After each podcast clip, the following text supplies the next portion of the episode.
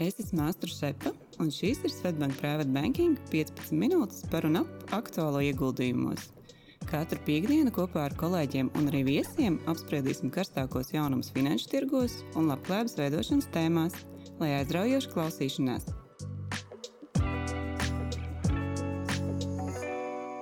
Sveiciens klausītājiem podkāstu 65. epizodē. Un šodien es, Maija Janaita, esmu kopā ar privātu banķieri Ingu Ērgli Trušiņu. Čau, Ingu! Čau, Maija! Un šajā epizodē mēs ar Ingu pastāstīsim par to, kā izveidot savu ieguldījumu portfeli, kas ir jāņem vērā un kā portfeli visefektīvāk pārvaldīt. Un, kā mēs zinām, mēs varam uzticēt pārvaldīt savu naudu ieguldījumu speciālistiem, daudz nelauzot galvu par to, kādus ieguldījumu lēmumus pieņemt. Vai, protams, varam arī paši veidot savu portfeli, izvēloties dažādus ieguldījumu veidus un instrumentus. Jā, un tad, ja mēs esam pieņēmuši šādu lēmumu, veidot pašu savu portfeli, nu, tad ir svarīgi arī noteikt pirmos soļus pie šāda portfeļa izveides. Tātad definēt, kāds ir ieguldījuma termiņš, kādi ir mani sasniedzamie mērķi, kā, ar kādu valūtu strādāšu, izvērtēt arī komisijas, jo katram instrumentam tās noteikti ir atšķirīgas jāņem vērā arī nodokļu aspekts.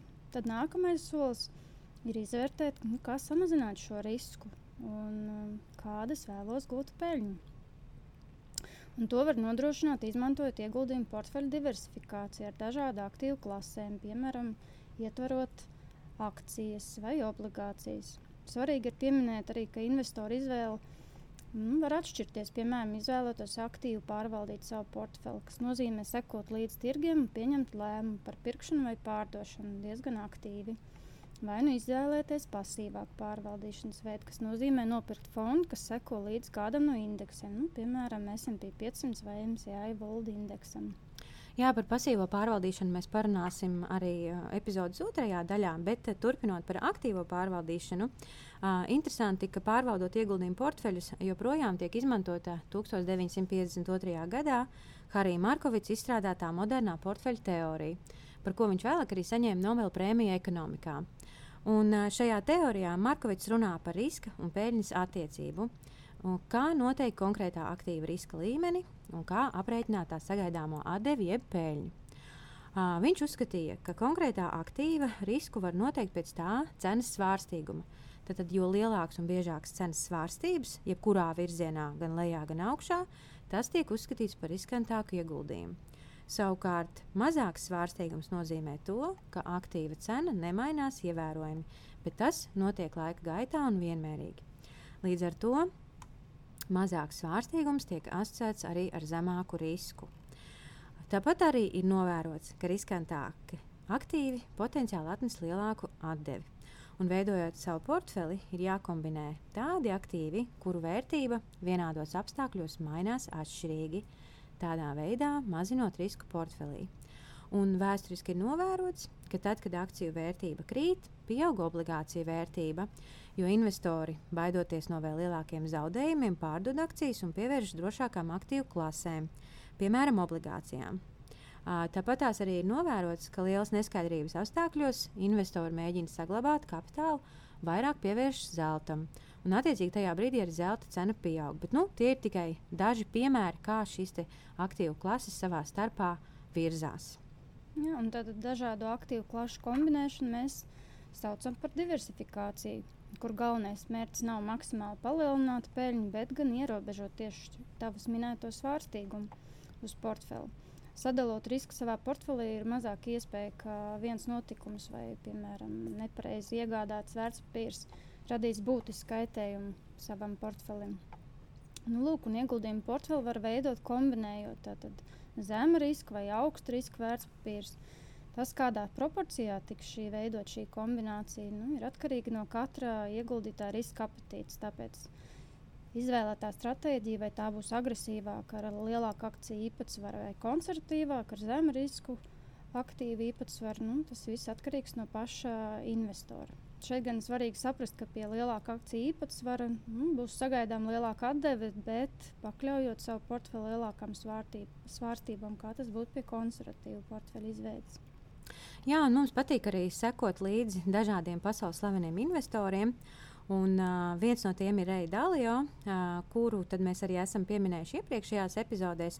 Un, uh, viņu ir vērts pieminēt uh, šajā sakarā, tāpēc, ka viņš ir uh, ļoti par diversifikāciju. Viņš ir izveidojis tādu kā savu uh, modeļu portfeli, no kura arī var smelties idejas, kā pārvaldīt savus ieguldījumus. Un, uh, viņš to sauc par visu laikapstākļu portfeli vai angļuiski all weather portfolio. Un viņš um, saka, tā, ka um, ekonomikā ir svarīgi izšķirt um, trīs teiksim, tādas sezonas vai ekonomiskos apstākļus.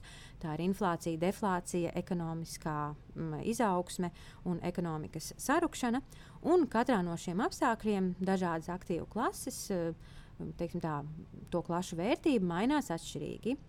Uh, un uh, tad, tad uh, viņa tas ieteikums, kā sadalīt to portfeli, uh, lai izietu cauri visiem šiem ekonomiskajiem cikliem, būtu ieguldīti 30% akcijās, 15% vidēji termiņa obligācijās, 40% ilgtermiņa obligācijās, ilgtermiņa tas ir 20 gadi un vairāk, un atlikušo daļu sadalīt 7,5% zeltā un 7,5% izēvielās. Uh, un izvēloties šādu portfeli, Reidalio uzskata, ka uh, ka šādā veidā izdosies pārvarēt dažādas ekonomiskos ciklus, nedomājot par to, kurā brīdī tad šobrīd man vajadzētu kur ieguldīt. Un, piemēram, ekonomikas izaugsmas ciklā akciju vērtība pieaug, savukārt esam novērojuši, ka augstas inflācijas apstākļos pieaug izēvielu vērtība. Mm. Šeit noteikti jāpiemina 2022. gads, kad mēs, mēs piedzīvojam pagājušā gadā, kad izēvielu nu, tādas kā naftas, gāzes, metāla vērtības sasniedz vēl nebijušas rekordus. Nu, tie, kam bija iekļauts šāda, šādas pozīcijas e, portfeļos, noteikti bija veiksmnieki. Bija veiksminieki, bet tie, kuri savukārt nebija iekļaujuši šo aktīvu klasi, nu, tiem tas, tas sniegums nebija tik labs.